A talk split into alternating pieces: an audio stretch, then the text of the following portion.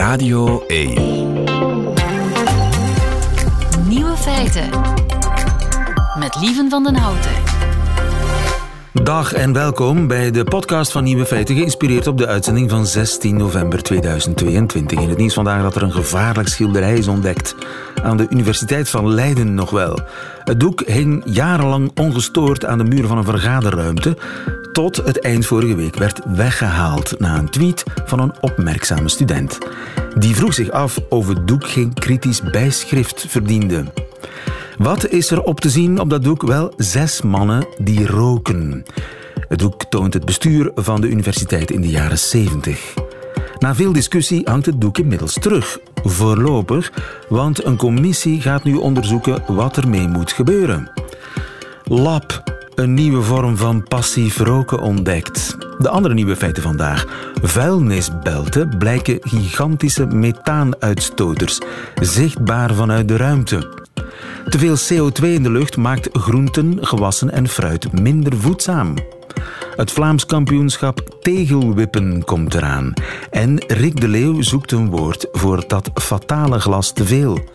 De nieuwe feiten van Nico Dijkshoorn die hoort u in zijn middagjournaal. Veel plezier. Feiten.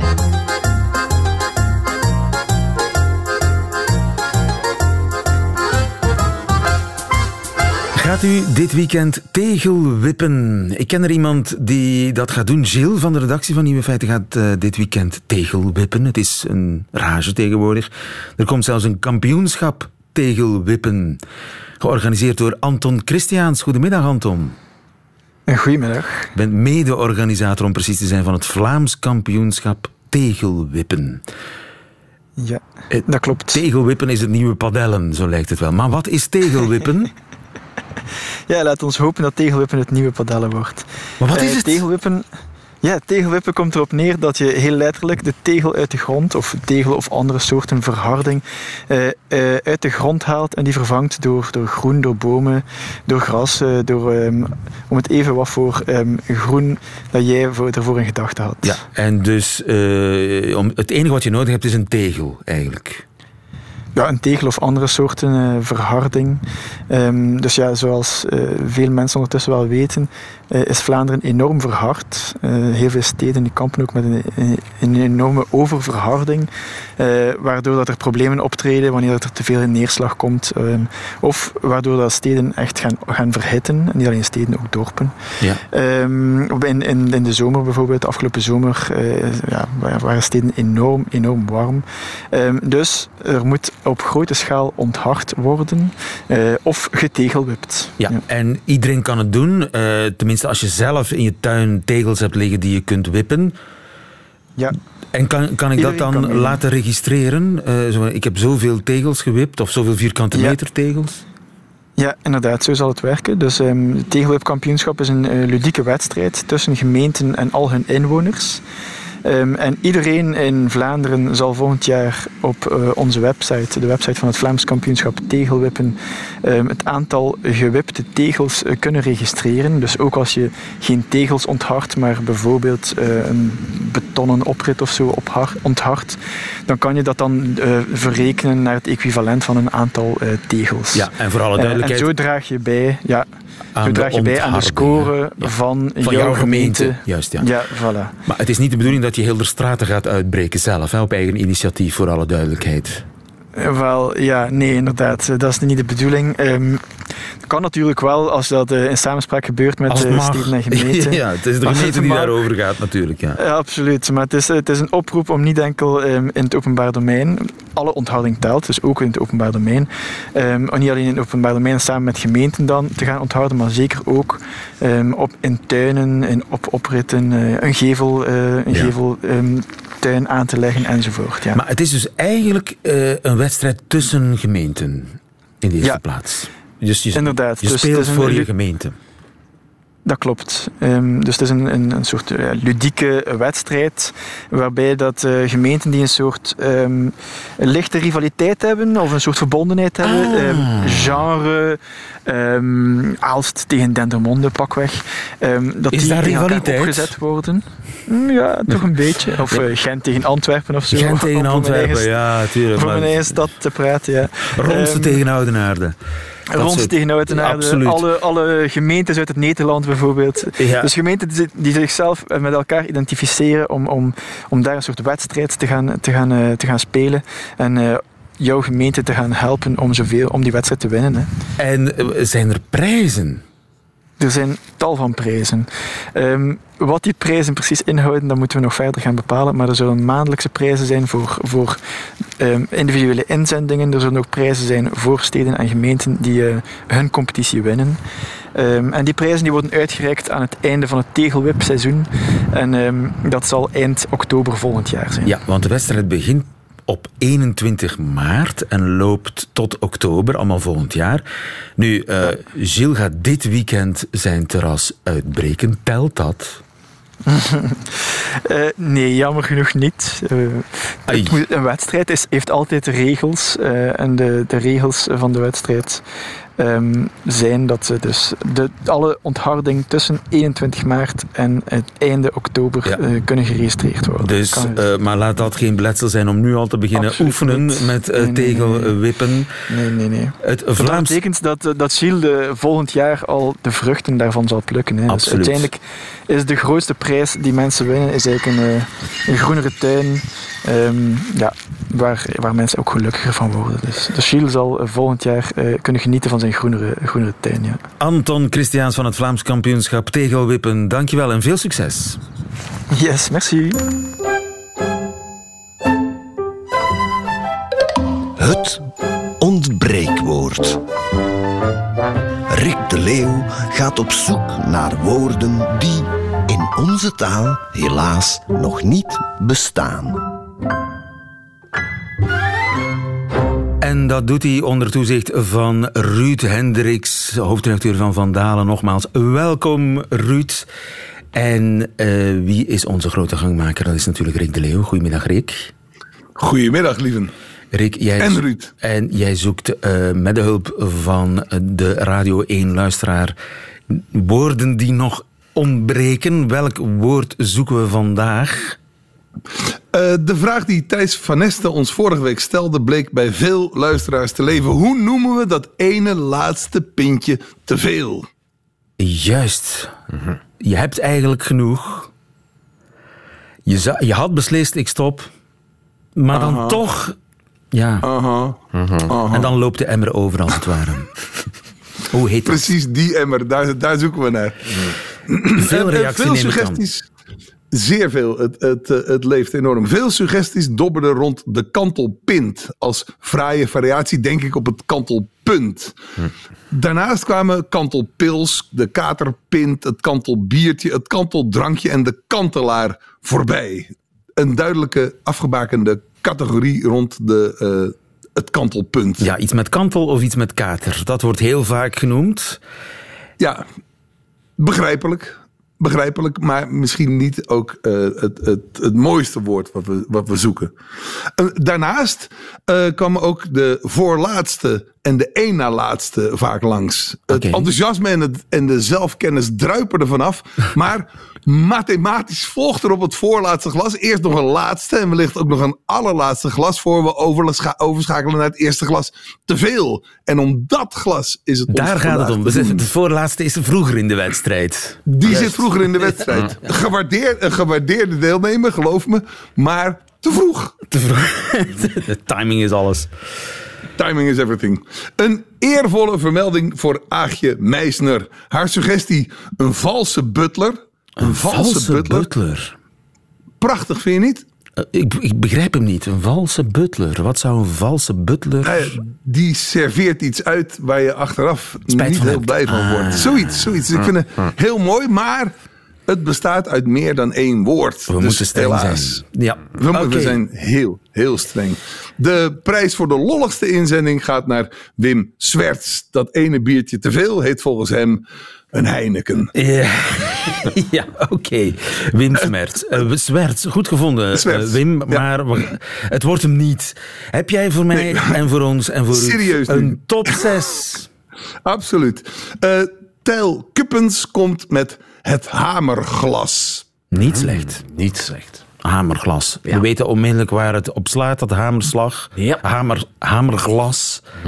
Pijnlijk nauwkeurig, inderdaad. Inderdaad. Oké, Eh, kanshebber. Patricia Hoog komt met het neckshot. Neckshot.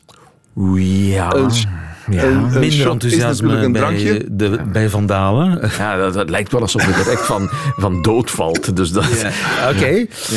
Oké, oké.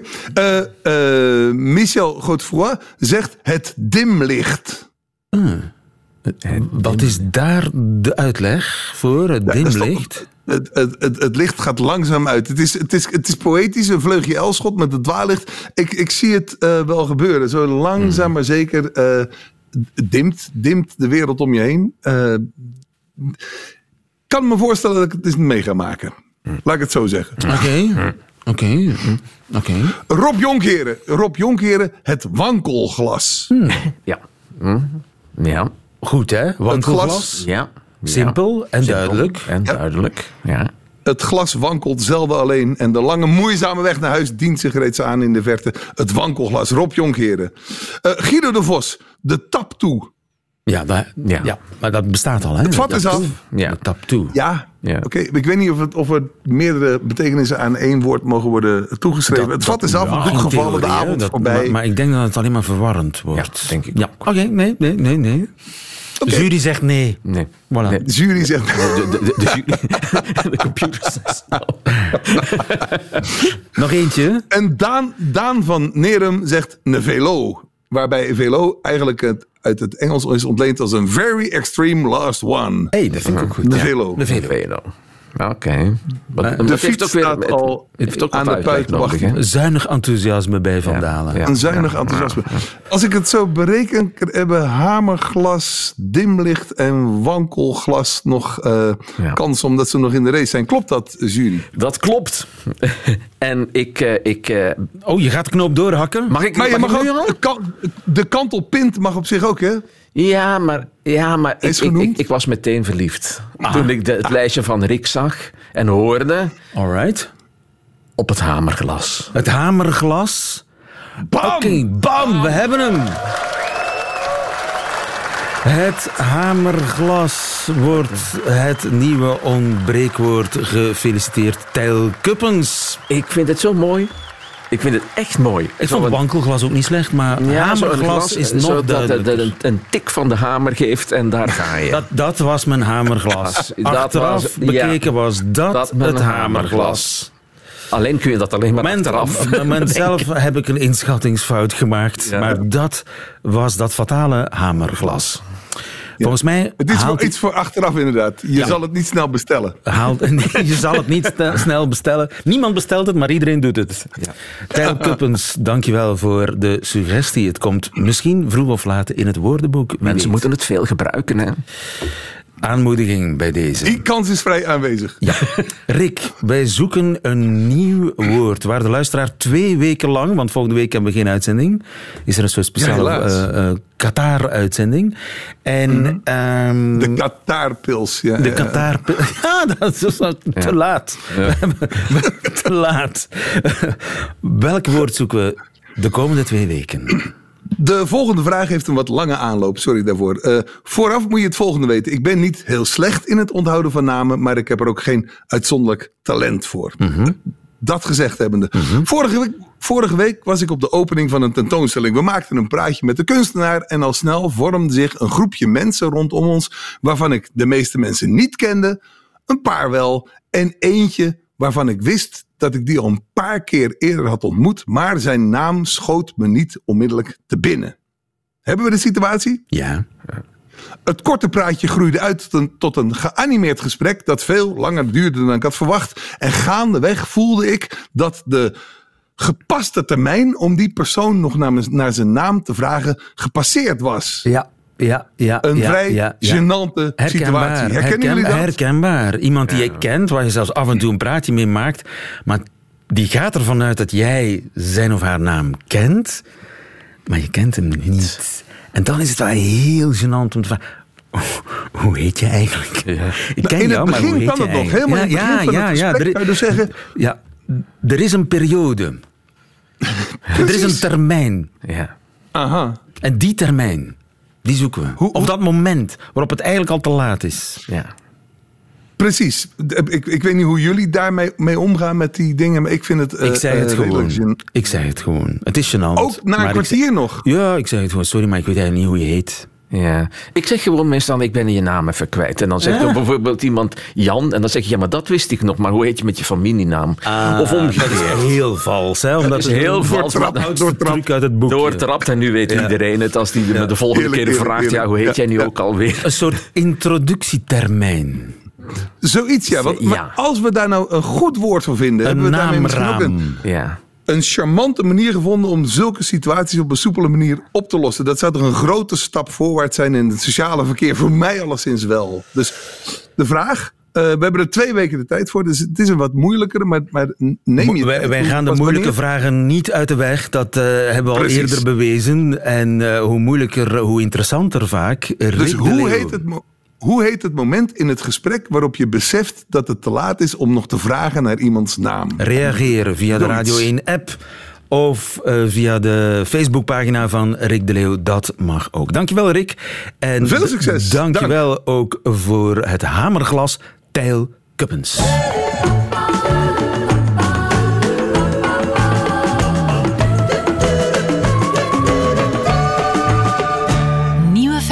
Alsof het nog niet erg genoeg is, maakt klimaatverandering ook nog eens onze groenten minder voedzaam. Dominique van der Straten, goedemiddag. Een goede middag, lieven. Je bent professor plantenfysiologie aan de Universiteit van Gent. En het zijn collega's van jou in Montpellier in Frankrijk die hebben ontdekt dat de voedzaamheid van groenten, fruit en gewassen, dat die voedzaamheid achteruit gaat door de opwarming van de aarde. Maar voedzaamheid, hebben we het dan over vitamine, mineralen of over eh, koolhydraten, vetten en, en eiwitten? We hebben het over eiwitten en ook over vitaminen en mineralen. Oei, allebei dus. Ja, inderdaad. Maar eh, planten halen CO2 uit de lucht. Klopt. Dus ze leven ervan, zou ik zeggen. Ja, Dus je zou denken, hoe meer CO2 in de lucht, hoe meer voedsel voor de planten. dat zou je denken. Maar natuurlijk, planten leven niet alleen van CO2. Planten nemen CO2 uit, op de lucht, uit de lucht op, maar zij nemen ook water en nutriënten uit de bodem op. Aha. Die nutriënten zijn mineralen die wij ook nodig hebben in onze voeding. Dus bij IJzer bijvoorbeeld. bijvoorbeeld, maar eveneens belangrijke elementen zoals stikstof, fosfor, zwavel, kalium nemen ze ook allemaal uit de bodem op. In mindere mate nemen ze dan ook ijzer, zink, koper en noem maar op. Ja. Eveneens. Maar wat is dan het probleem? Het probleem is dat voor een plant, wanneer ze meer krijgt van één welbepaalde voedingsstof, in dit geval dan koolstof, onder vorm van CO2, dan kan de rest van het metabolisme de tred niet meer volgen op lange termijn. Het hangt wel af van de omstandigheden waar die plant groeit. Stel dat een plant groeit in een bodem waar er een overmaat aanwezig is van alle voedingsstoffen, dan zou die dus de tred kunnen volgen met een hoger gehalte aan CO2. Maar de balans tussen die verschillende voedingsstoffen is ontzettend belangrijk voor een normale ontwikkeling van een plant. Aha. Dus ze krijgt te veel CO2 dan goed. Het is eigenlijk een, een, een verkeerd dieet, zeg maar. Ja, een dieet dat in disbalans is, dat onevenwichtig wordt. Ja, en je merkt dat dus aan de groenten op je bord. Je merkt dat aan verschillende eh, voedingsmiddelen. Eh, men heeft de ontdekking eigenlijk gedaan op graangewassen. De ontdekking is niet zo recent, maar de eerste ontdekking daarvan dateert reeds van een paar jaar terug. Mhm. Nu wordt er meer en meer onderzoek naar gedaan en worden we vrij zeker over die observaties. Je weet, in de wetenschap is er een primaire ontdekking, maar is het best dat het altijd ook geconfirmeerd wordt door andere collega's Ja. en dan in dit geval ook in andere gewassen. Dus we zijn het vrij zeker. We zijn het vrij zeker. Ja. En is dat nu een groot probleem voor de volksgezondheid? lijkt me wel inderdaad een groot probleem te kunnen worden. We weten dat er reeds een enorm probleem is voor wat betreft de, eh, het tekort aan micronutriënten, zijn de vitaminen en mineralen. Dat is wereldwijd het belangrijkste probleem in feite. Eh, belangrijker nog dan de ondervoeding als dusdanig. Dus men noemt dat de verborgen honger. En dat tekort aan vitaminen en mineralen treft ruim 2 miljard mensen. Meer dan een miljard zijn anemisch en hebben een tekort aan ijzer. Heel veel mensen, honderdduizenden, lijden aan tekorten aan vitaminen. En is dat al het gevolg van die ja, door CO2 verkeerd gevoede planten?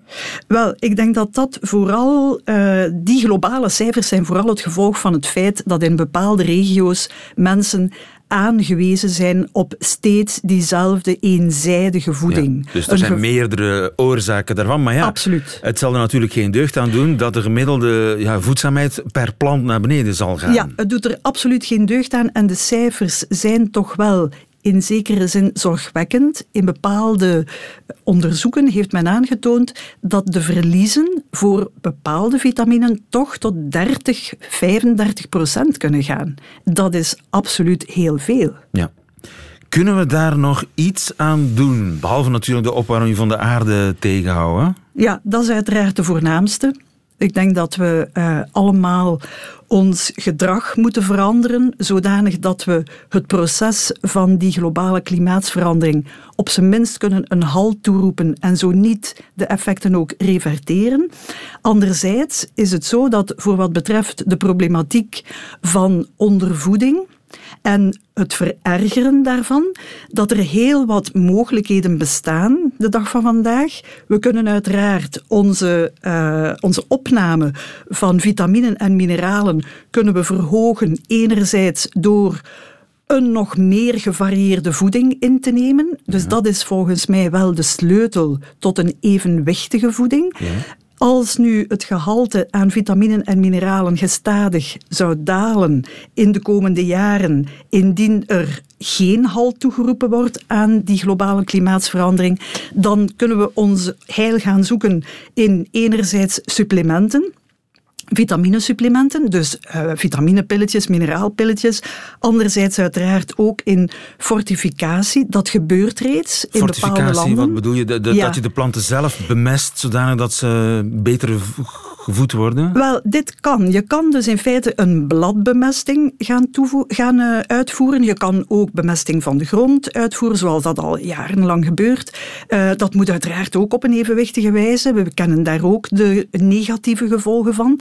Maar eh, wat ook mogelijk is, is het fortifiëren, dus het toevoegen van vitaminen en mineralen aan bepaalde voedingsstoffen. Dus bijvoorbeeld bloem. Bloem wordt gefortifieerd in verschillende landen. Verbeterd, versterkt. Verbeterd, ja. Ja. Men kan ook eh, biofortificatie doen. Dus dat is eigenlijk het eh, toevoegen of het verhogen van het gehalte aan mineralen en vitaminen in planten, waarbij men eigenlijk een veredeling uitvoert die ofwel klassiek kan gebeuren ofwel via moleculaire technieken. Ja.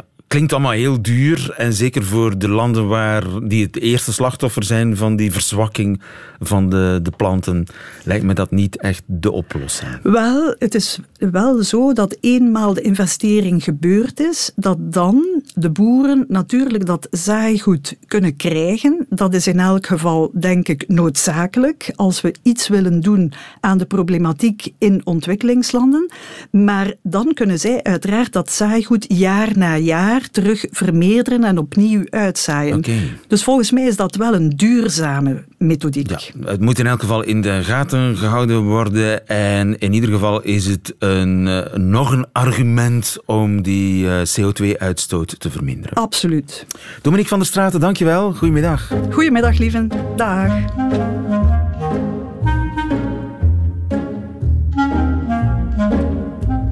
Nieuwe feiten.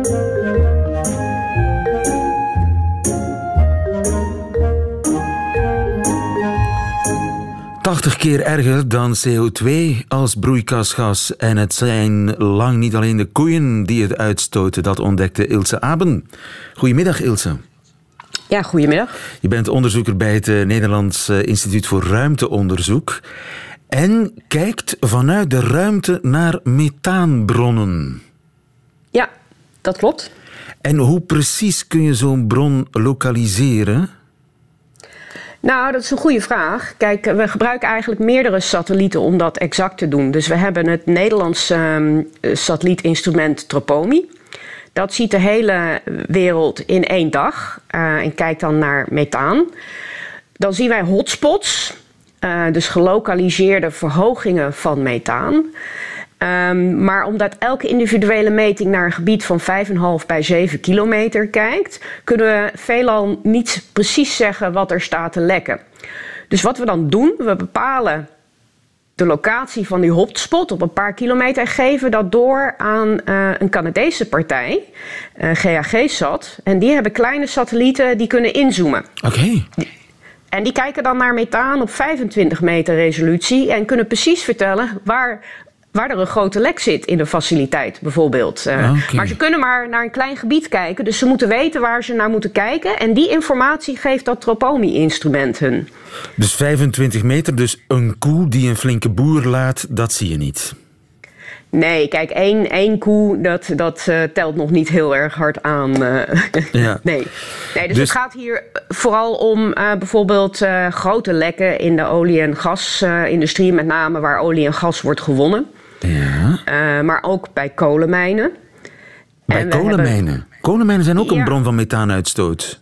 Zeker. Uh, er zit tussen die kolen veel methaan uh, ja, gevangen eigenlijk. Dus als je dat kolen gaat uh, delven, dan, uh, dan komt er methaan vrij. En best behoorlijk veel, eerlijk gezegd, van kolen. Oké. Okay. En ook gaswinning, een gaslek, onverbrand gas bevat methaan, hè? Uh, zeker, dus en dat komt vrij zowel bij gaswinning, maar daar probeer je het natuurlijk op te vangen, want dat is je product. Daar gaat natuurlijk altijd wel wat verloren.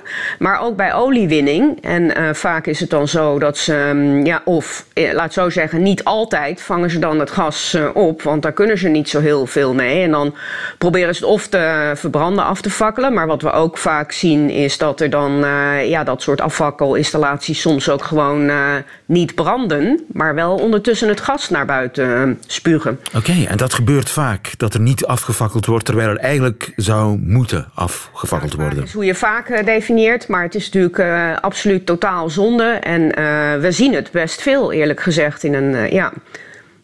En kun je dan een soort alarm uitstoten? Of kun je, dat, kun je de, de, ja, de, de politie bellen? Of op, ik bedoel, wat, wat doe je als je dat ziet? Ja, nou, uh, dat is een goede vraag. Kijk, wij als wetenschappers hebben vooral uh, nu methodieken ontwikkeld om dit te doen. Om dat ook zo goed mogelijk uh, af te schatten, hoeveel. maar wij zijn niet echt de partij om ja, bij die bijvoorbeeld partijen aan de bel te hangen. Maar. Um, onder, in, onder de vlag van de VN is de International Methane Emission Observatory opgericht. Uh, die gaat landen en overheden en bedrijven uh, helpen om hun methaan te reduceren. Ook in het kader van de zogenaamde okay. methaanbelofte die is afgesproken vorig jaar op de klimaatconferentie. En wij, wij leveren onze informatie aan hun. En zij hebben inderdaad een methaan alert systeem wat ze bezig zijn op te richten op basis van deze informatie om die partijen inderdaad zo snel mogelijk te informeren. Wat is eigenlijk de grootste verrassing? Want ja, een uh, gaswinning, koolwinning, dat is niet echt een verrassing. Maar zijn er grote methaanuitstoters die je niet verwacht had? Nou, allereerst gaat het om dat het vooral het aantal is van de hele grote uitstoters wat mij uh, verbaasd uh, heeft. Het zijn er gewoon uh, behoorlijk veel wereldwijd die wij kunnen zien. Dus dat is één. Maar daarnaast, als je inderdaad um, in, bijvoorbeeld wat ik net zei over afvakkelinstallaties die gewoon niet staan te branden. En dat is er dus niet gewoon maar één of twee, maar dat zijn er een hele rits. Nou, daar ben ik best verbaasd over, eerlijk gezegd. Uh, en ook bij kolenmijnen hebben we gezien dat je verwacht eigenlijk veel uitstoot bij ondergrondse kolenmijnen. Uh, maar er bleek ook, uh, we zien ook bij oppervlakte kolenmijnen dat er in sommige gevallen ook heel veel methaan vrijkomt. En dat snappen we eigenlijk nog niet goed. Dus dat okay. is ook wetenschappelijk een heel interessante vraag. En vuilnisbelten? Ja, precies. Um, dat was ook een verrassing. Uh, goed, goed dat u het zegt. Uh, uh, ja, wij zien het nu ondertussen al een tijdje. Maar um, ik had op voorhand niet verwacht dat we dat zouden zien. En zeker niet zoveel. Dus we hebben recentelijk nu een project. Dus we hebben bij een aantal vuilnisbelten inderdaad gezien dat er veel methaanuitstoot is. En ja, het blijken er heel veel meer te zijn waar we dat kunnen zien. En dat willen we ook in kaart gaan brengen met een nieuw project. Ja. Um, dus daar, ja. en, en dat is dan afval dat ligt te, hoe moet ik dat noemen, gisten of zo? Dat, dat ja, die methaan... Ja. ja. dat ligt gewoon te rotten. En dan vooral als het, uh, omdat het grote stapels zijn waar geen zuurstof bij komt... Uh, wordt er dan methaan gevormd. Um, ja. En dat gaat om grote hoeveelheden. Dus de afvalverwerking is best een grote component. En, en afval zal alleen maar toenemen. Ja, en als je al die methaanuitstoters op, op, bij elkaar zet, die je kunt zien vanuit de ruimte, wat betekent dat dan in vergelijking met de uitstoot door vee? Ja, we hebben nog niet. Dus al die superemitters, die, die wij, wij noemen ze zo, die, die, die hele grote gelokaliseerde lekken. Daar zijn we nog mee bezig om dat uh, uh, eigenlijk uh, in kaart te brengen en op te tellen. Maar kijk, vee, we weten dat de uitstoot van vee ongeveer 30% is van wat de mens uh, uitstoot in totaal. Dus dat mm -hmm. is natuurlijk een hele grote categorie. Ja, maar er zijn nog categorieën onderbelicht en die kun je zien vanuit de ruimte en daar zijn jullie mee bezig. Er wordt aan gewerkt en dat is toch goed nieuws. Dankjewel Ilse Aben. Goedemiddag. Graag gedaan. Nieuwe feiten. Radio 1. En dat waren ze, de nieuwe feiten van 16 november 2022. Alleen nog die van Nico Dijkshoorn in zijn middagjournaal nu. Nieuwe feiten. Middagjournaal. Beste luisteraars, binnenkort sta ik samen met mijn bandje The Hank 5 in verschillende theaters. En dat is iets waar ik mij intens op verheug. Op de voorstellingen natuurlijk, maar ook op de gebruikelijke ontmoetingen met theaterdirecteuren. Ikzelf ken geen vreemdere beroepsgroep. Ik zal u precies vertellen hoe dat gaat. Iedere theaterdirecteur in Nederland, en misschien ook wel in Vlaanderen, denkt dat je je als artiest vanaf je jeugd 23 uur per dag hebt verheugd op een bezoek aan zijn theater. Ja, je ligt in je bedje en je denkt ooit, ja ooit, zal ik in theater de Vlasbaard in Uden staan. Ooit zal ik triomfen vieren in theater de papieren hoed in Koevoorde. Vaak staan theaterdirecteuren tien minuten na aankomst voor je neus en vragen ze of je het een uniek theater vindt. Ze laten je het podium zien en kijken ondertussen naar je gezicht of je wel verbaasd genoeg bent. Ik heb geleerd dat ik eigenlijk altijd met open mond de zaal in moet kijken. En daarna moet ik mijn handen voor mijn gezicht slaan. Daarna zeg ik meestal dingen als: Ach nee, kijk nou eens toch. Met echte stoeltjes in de zaal. En ook nog eens een gordijn dat open en dicht kan. Dat zie je echt nergens anders. Vooral die laatste zin is heel erg belangrijk. Theaterdirecteuren willen ongelooflijk graag horen dat zij iets hebben wat je nergens anders ziet. En dat kan eigenlijk van alles zijn: stromend water, elektriciteit, een gangpad midden in de zaal. Ik heb ooit, vlak na zijn directeur, gezegd: Een eigen wasbakje in mijn kleedkamer? Waar heb ik dat aan verdiend? Daarna volgt onherroepelijk de rondleiding door het theater. Je loopt met de theaterdirecteur door een gang vol met foto's en bij iedere foto vertelt hij iets. Je staat voor een foto en dan zegt hij of zij: Kijk, dit is Wim Helsen. Pas drie jaar oud was hij toen. Ik zag meteen dat het een hele grote zou worden. Als de rondleiding klaar is, volgt meestal het klassieke nekschot. De theaterdirecteur zegt: Voor vanavond zijn er vier kaarten verkocht. Twee daarvan door mijn eigen kinderen. We hadden er iets meer van verwacht. We dachten: hij is op de radio. De mensen komen wel, maar nee dus. Vorige week stond hier Schele Rines met zijn one-man show. Totaal uitverkocht. Daarna, luisteraars, wil ik altijd met alles wat ik in mij heb naar huis en snikkend in de armen van Tanja vallen. Maar dat kan niet. Ik speel die avond voor vier mensen. En één daarvan is altijd Lieve van der Houten. Hij heeft nog geen voorstelling van mij gemist.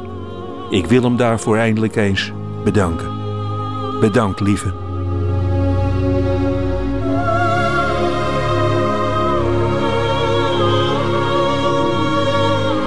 Goeie vraag, Nico. Het was intussen, is dat eh, min of meer bekend, een Oekraïense afweerraket die verkeerd is terechtgekomen. Maar toch, wat als er echt eens iets ernstigs in het nieuws zit? Gaan we dan blijven kattenfilmpjes kijken?